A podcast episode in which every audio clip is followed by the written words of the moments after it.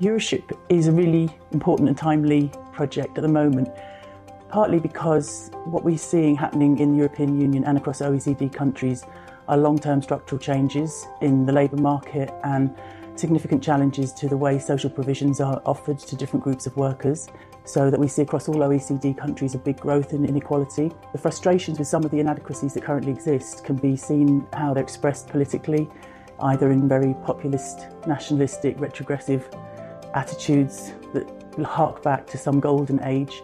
If there's anything that's valuable about being a European citizen, it would be in the area of flexibility, mobility between countries, the access to certain kinds of supports and services, uh, disability pensions, um, anti-discrimination, and a whole range of what are called social policy um, benefits and entitlements that are linked or should be linked to social citizenship. And that's something which the European Union desperately needs to be clear about and to more, more than be clear about, to actually measure the existence of it and the impact on people's lives.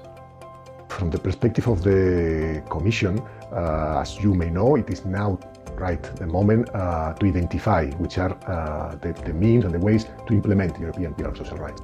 But how the action plan is going to come out, it's in the hands of uh, all relevant uh, stakeholders. Trade unions must take part to the decision-making process. We have a huge role in the capillary implementation of the decisions made uh, on the social agenda and the economic one. And we have an important role in monitoring the progress and uh, um, the effectiveness of the measures uh, put in place.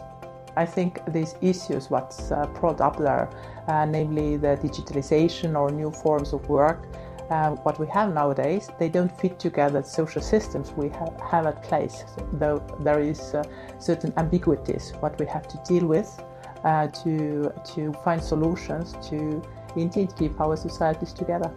Euroship is very important. It's, a, it's about exercising social rights. It's about uh, how people in Europe, in the various European societies, can exercise their rights to material security, to autonomy, and to voice.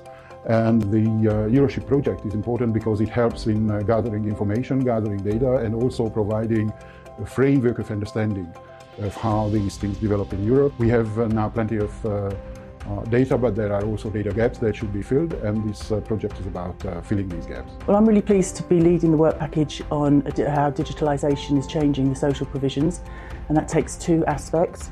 So, if we look at the labour market, what we see emerging with the growth of new uh, technological innovations through the internet and smartphones are the growth of platform forms of working. Now, on one hand, this could offer new opportunities for people who maybe couldn't get jobs in the past, and this creates a number of problems uh, across a number of different European countries in different ways about how you define who these types of workers are and what rights and entitlements they have. And the second part we want to look at is how uh, governments are introducing digital technologies to manage access to the labour market and to benefit systems. And one of the issues we want to try and understand is why is there this big difference across Europe in terms of how governments are implementing this technology, how effectively has it been implemented, and what are the positive and negative consequences of having that policy if not all of your population will be able to access the resources. It's really about a really massive level of education required and bringing that whole population with you together rather than leaving some behind.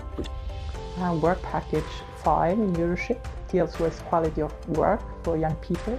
It's also very important not only to get your foot at the labor market, but also to get a decent job.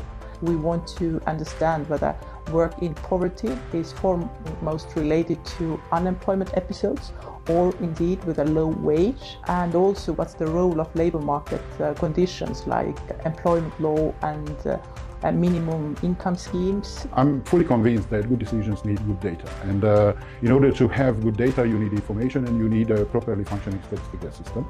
And our, uh, our work package is to, um, to develop an indicator system uh, to monitor the state of affairs with the social citizenship in, uh, in Europe.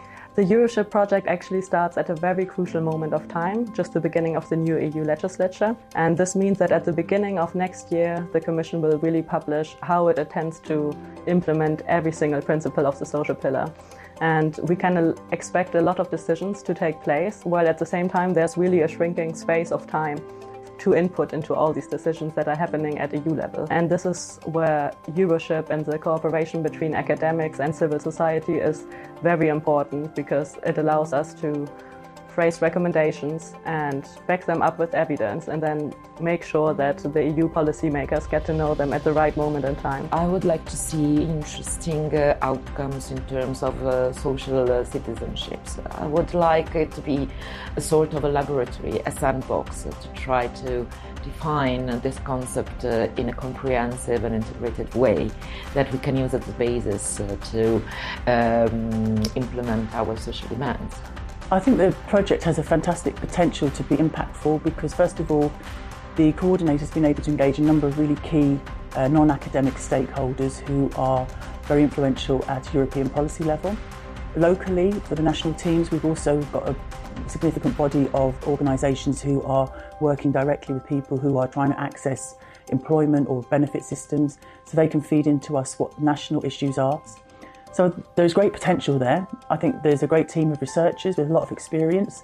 There's a great network of stakeholders who are really engaged right from the beginning.